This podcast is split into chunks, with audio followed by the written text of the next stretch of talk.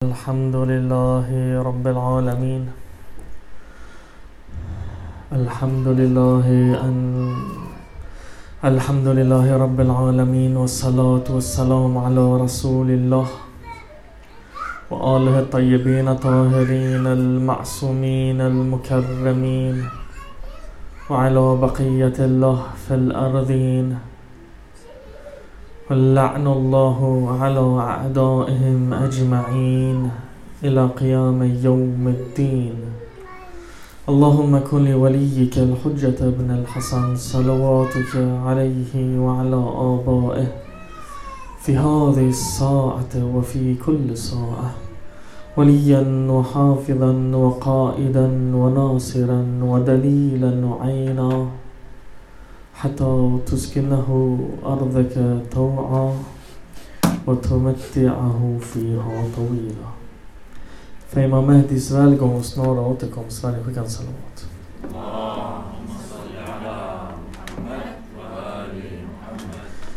قال الباقر عليه السلام ما من رجل ذكرنا عنده يخرج من عينه ماء ولو مثل جناح البعضة إلا بنى الله له بيتا في الجنة وجعل ذلك الدم hijaben بيني وبين النار Imam Bakr Ali salam säger att Den som minns oss och hans tårar rinner från hans ögon Även om det är lika lite som en myggvinge så kommer Gud att bygga för honom ett hus i paradiset. Och de tårarna kommer bli en slöja mellan honom och elden. Det finns många hadither likt dessa som pratar om meriterna att sörja för Imam Hussein. Sörja och gråta för Imam Hussein är en väldigt stark del och det är en kärnpelare i vår tro. Vi har hadither som nämner hur gråtandet för Imam Hussein salam släcker helvetet. Hur den förlåter synder. Hur den skyddar mot helvetet. Hur den tar en till paradiset. Hadither nämner också att om du inte kan gråta ska du försöka gråta. Om du inte kan försöka gråta ska du låtsas gråta. Varför? Hur kan tårar släcka en eld? Hur kan tårar... Vad finns det för relation mellan tårar och helvete? Mellan tårar och förlåtelse?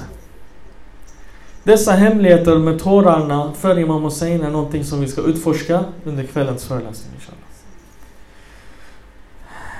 Vi börjar från början syskon. Vi börjar från Muallam al-Adam al-Asma kullaha.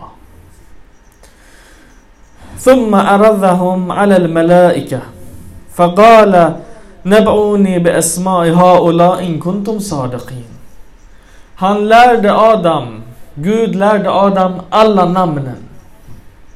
Sen sa Gud till änglarna Beskriv de här, berätta de här namnen. eller i bättre beskrivning Visa upp de här namnen för mig om ni är sannfärdiga i att den här människan inte klarar av den, det uppdraget som jag har valt honom för. Vad är det här för namn som Gud har lärt människan och lärt Adam? Om ni minns vår första föreläsning under andra Muharram så pratar vi om att Gud är en dold skatt, så han, ville, han älskar att bli känd, så han lärde så han skapade skapelsen för att lära kännas. Där förstod vi att Gud är dold inom skapelsen, dold inom människan, inte någon annanstans. Den här versen beskriver att Gud lärde Adam alla namnen. Den här lärandet, den här ta'alim, vad är det för typ av ta'alim? Var det en bok som Adam fick? Han satt där i paradiset och han läste den här boken och så lärde han sig de här namnen och så kunde han repetera dem. Blev han utbildad? Var det så att Gud satte någon lektion för honom, höll, höll en serie föreläsningar och så lärde han sig namnen och han kunde repetera dem som glosor? Nej. Om det var den typen av namn som kunde undervisas, då kunde änglarna också lärt sig dem och repeterat dem. Med den här ta'alim som menas här, det är, inte, det är inte lärande utan det är en ma'arefa som finns djupt inom människan som Gud har placerat där inne som människan kan uppvisa. Namnen som Gud lärde Adam var hans egna namn. Inte att han lärde honom, jag, jag Rahman och Rahim och Wadur och Karim och inte de här hundra namnen som nu vi har energi, de sjunger hundra, hundra namnen. Nej, inte att han lärde namnen. Utan han gav namnen. Inte han lärde namn, han gav namnen. Det vill säga, han la i Adams själ hundra gudomliga egenskaper och namn. Hundra attribut. Och när han sa till änglarna, visa mig de här, änglarna kunde inte för änglarna har inte alla hundra namnen. Men människan har, så människan kan visa upp dem. Människan fick kapaciteten och att fullborda och uppvisa alla de här namnen. Dessa egenskaperna ligger i människans själ och väntar på att aktiveras, fullbordas, blomstra, visas upp. Det är som hundra olika frön som ligger i vår jord. Vi föds som en barmark.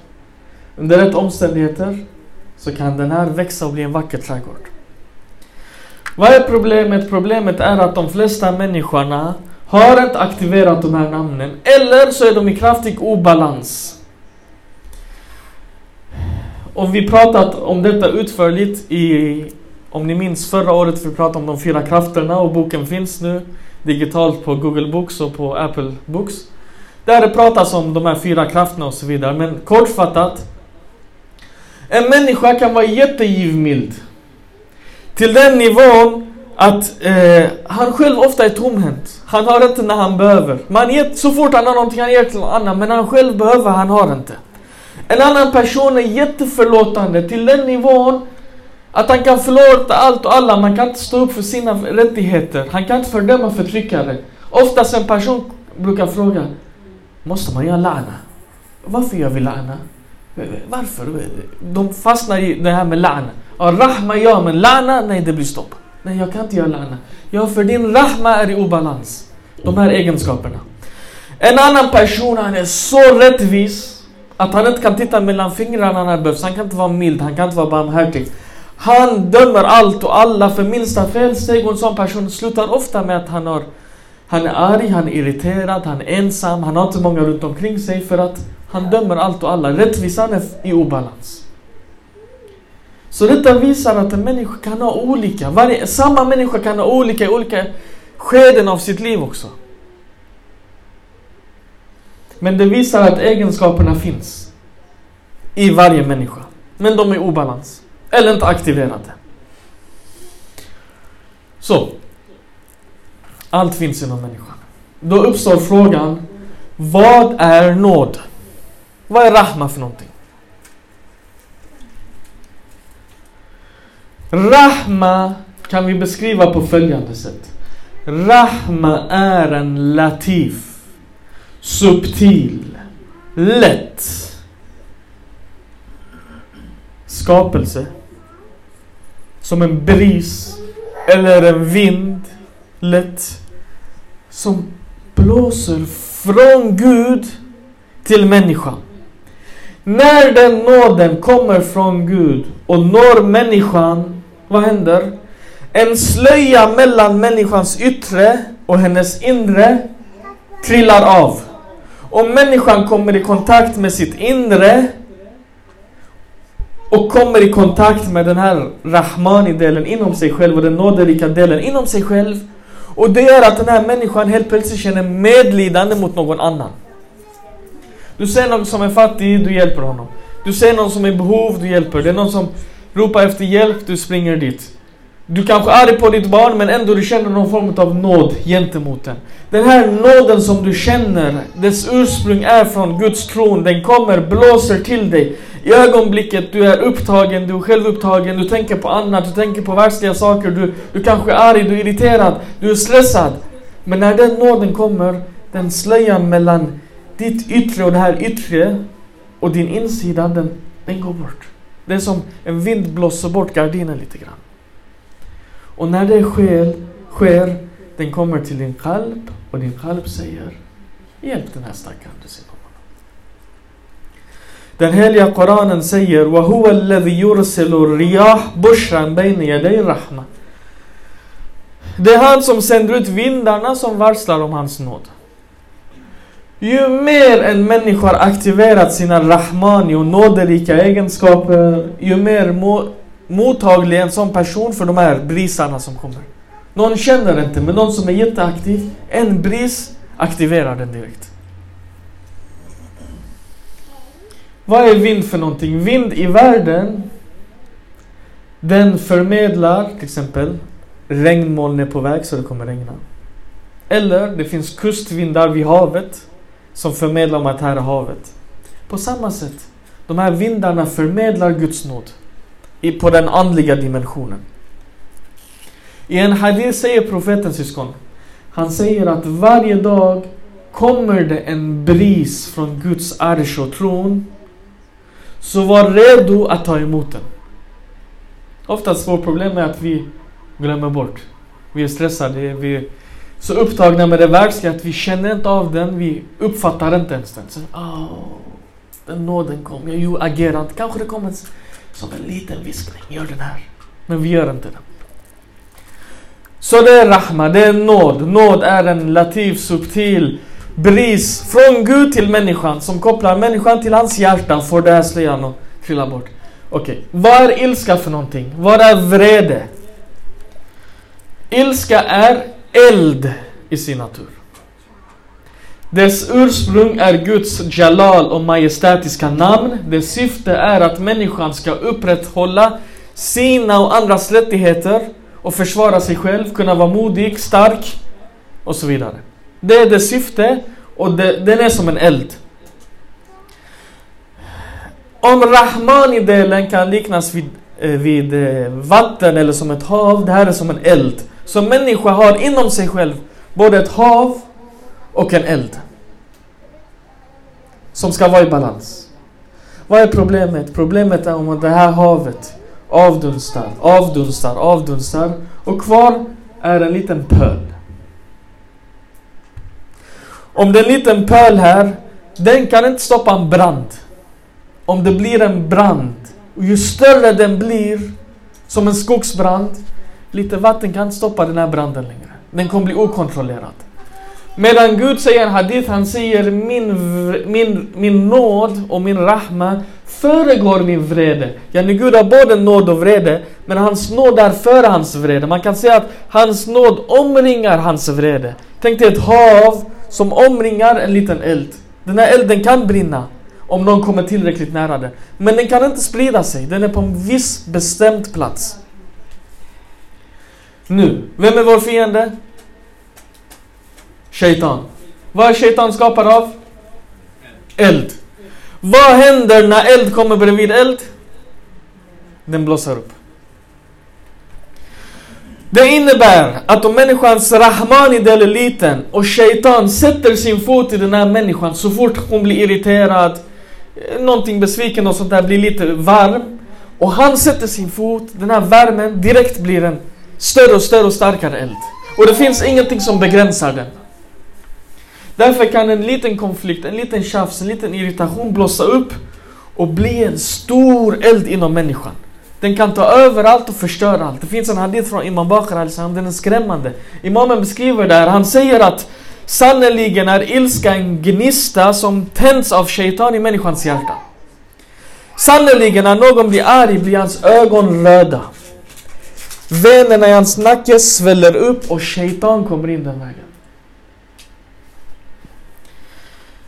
Därför bör den som blir arg, han borde lägga sig ner och vila en stund så han blir sval, han blir lugn. Så att de här smutsen från shaitan går bort. I en annan hadith, Imam Bakr säger igen Sannerligen händer att en människa blir arg och han blir inte nöjd förrän han går in i elden. Hatta yadkhul nar. Yani din vrede stillas inte förrän du går ända in i elden själv. Yani du brinner upp.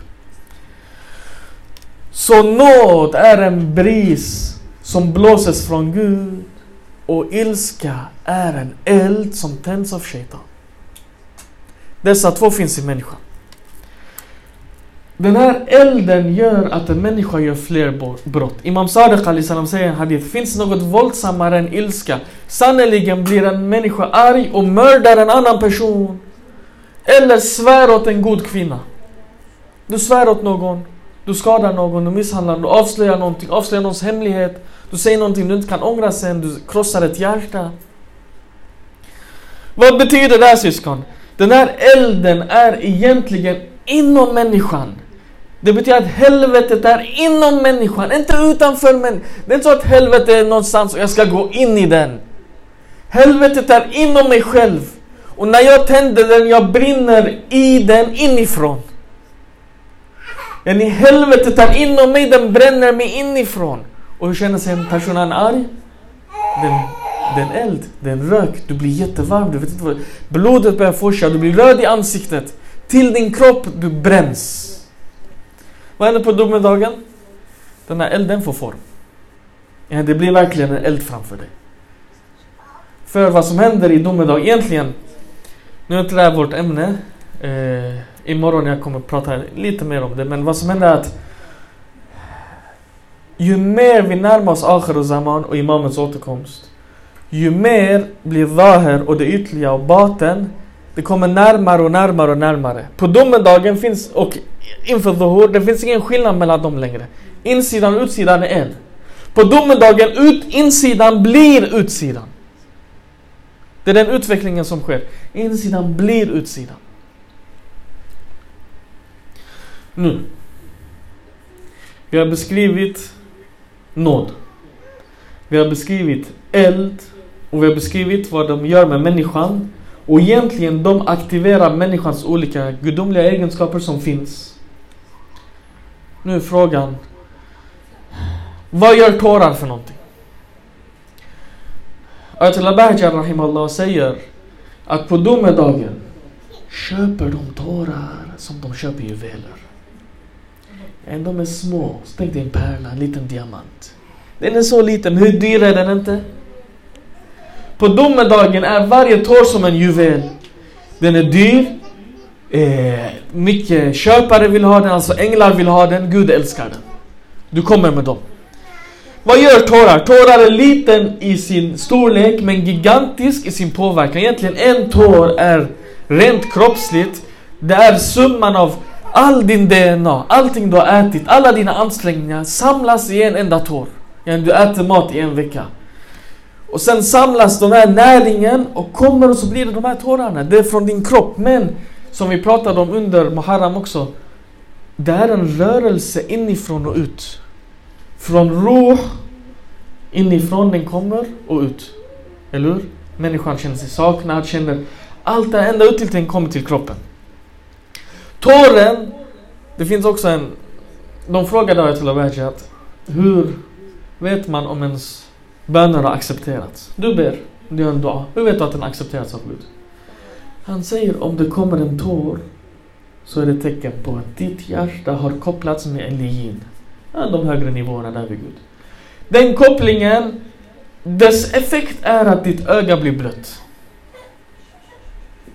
Och det är ett tecken på att din dua har hörts. För oftast, det är inte så att vår, Gud, vår dua inte besvaras. Vårt problem är inte att den inte besvaras. Gud besvarar allt. Vårt problem är att vår dua hörs inte.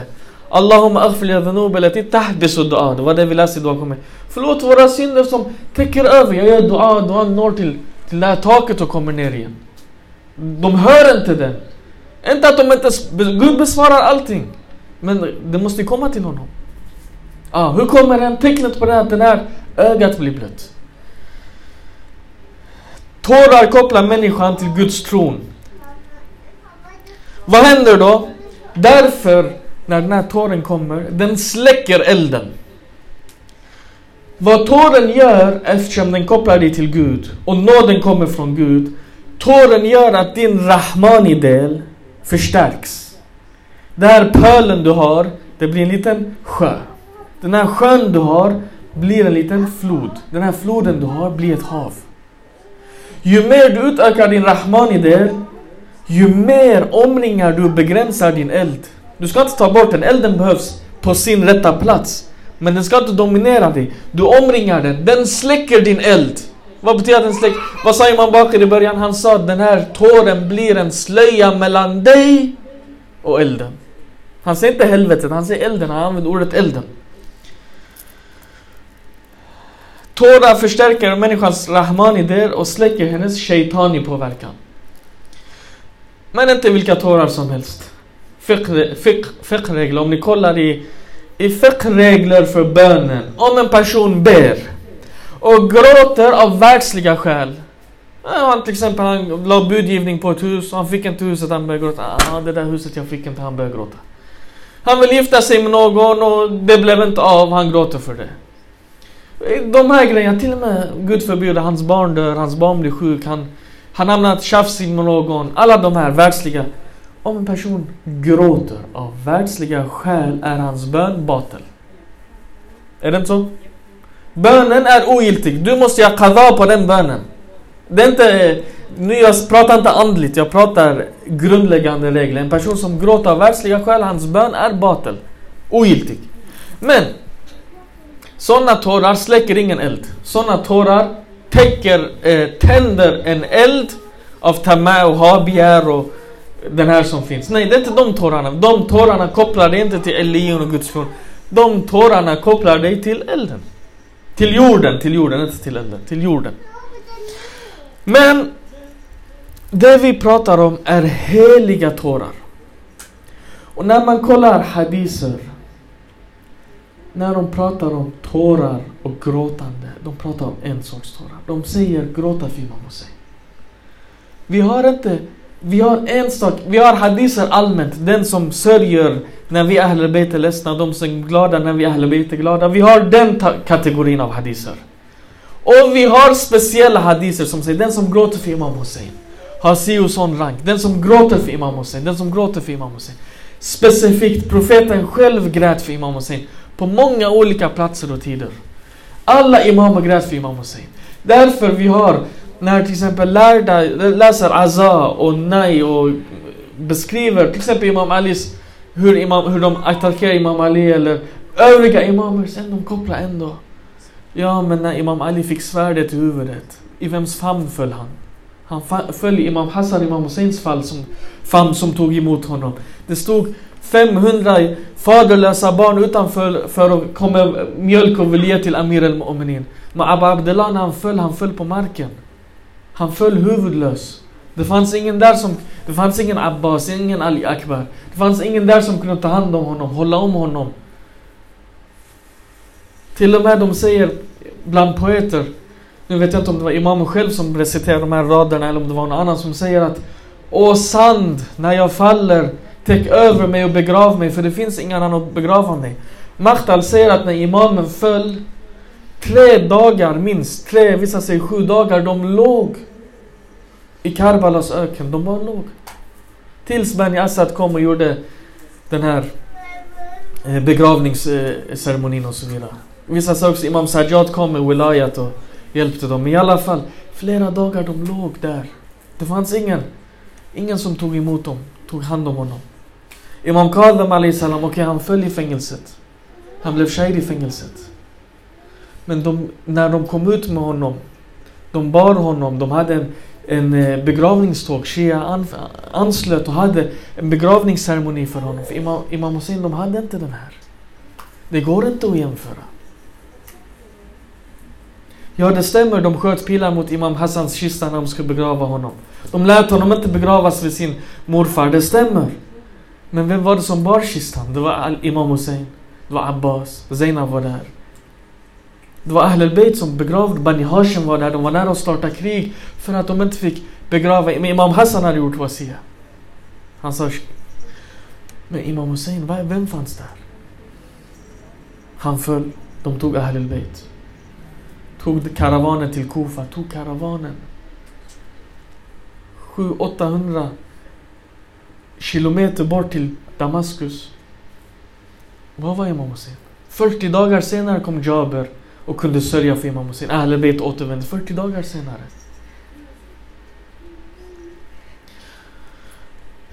Så tårar för Imam Hussein egentligen att vi kopplas till honom.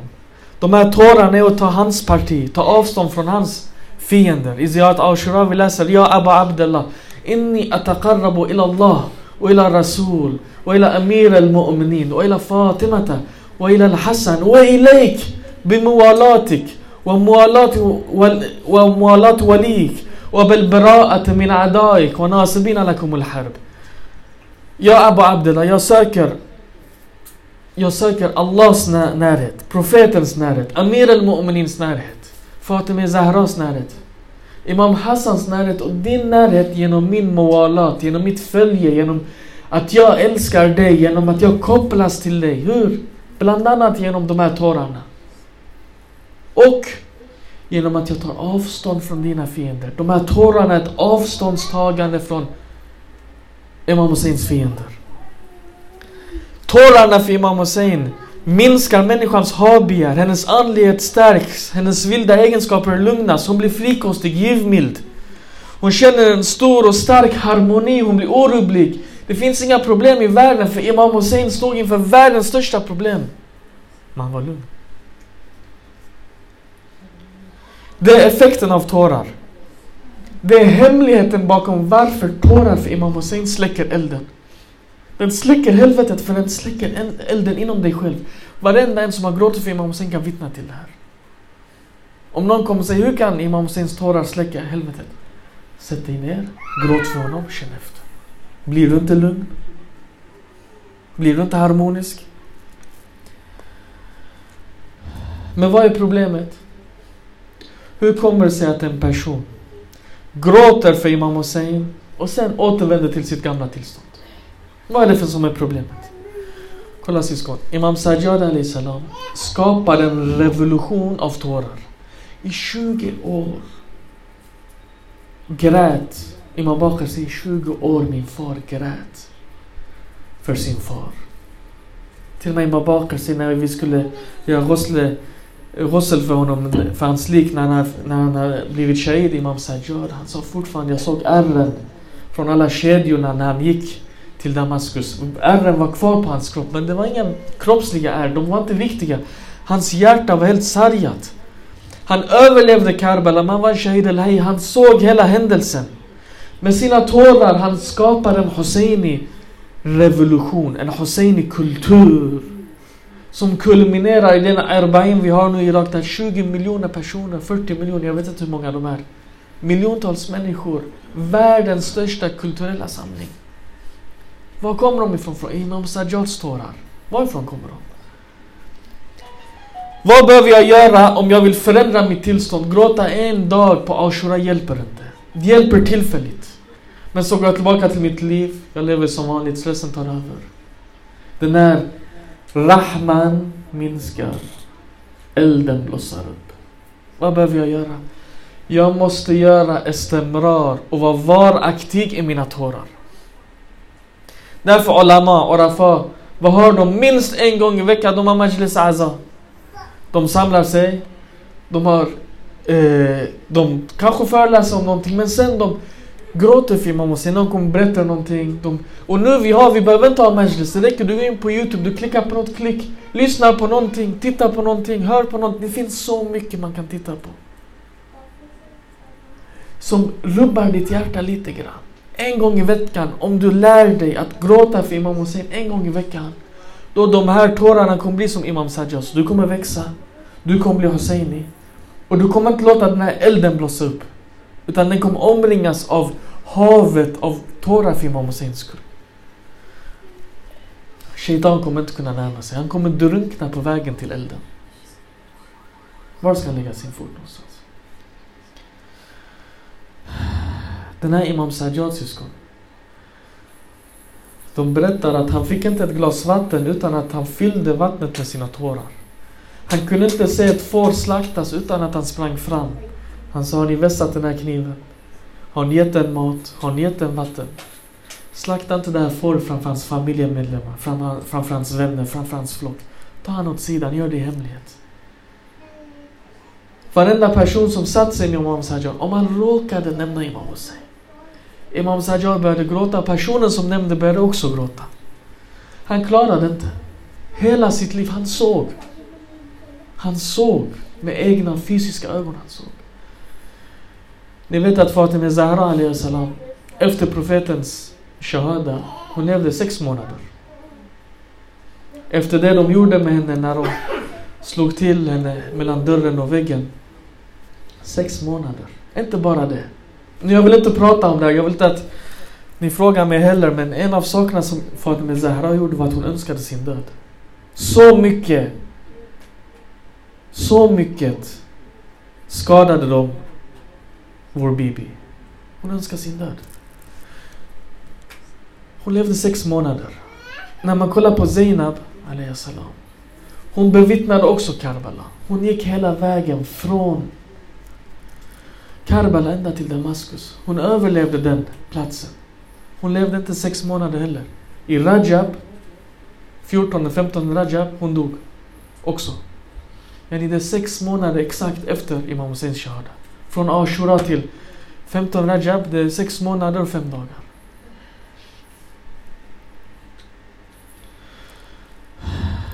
De här, de berättar att när de kom med karavanen och de kom till Yazids hov. Som var tradition på den tiden var att när ett folk besegrar ett annat folk i krig. De tillfångatog kvinnorna, de barnen, ungdomarna, de som fanns och de sålde dem som slavar. De hämtade dem till eh, Yazids hov. En person som var där på plats.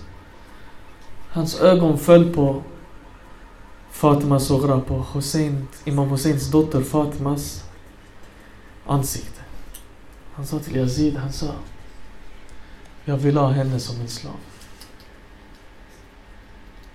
Jag vill ha henne som min slav. Fatima, Fatima Sogra, hon sprang till sin amma Zainab. Hon sa Rädda mig från den här mannen, han, han säger att han vill ha mig som en slav. Zainab går fram. Hon pratar högt det där. Hon vässar sin tunga. Som Imam Ali svär. Hon säger Ja Yazid. Aldrig att Gud kommer låta dig ge oss Ahl al-Bayt som slavar till andra män. Det kommer inte hända.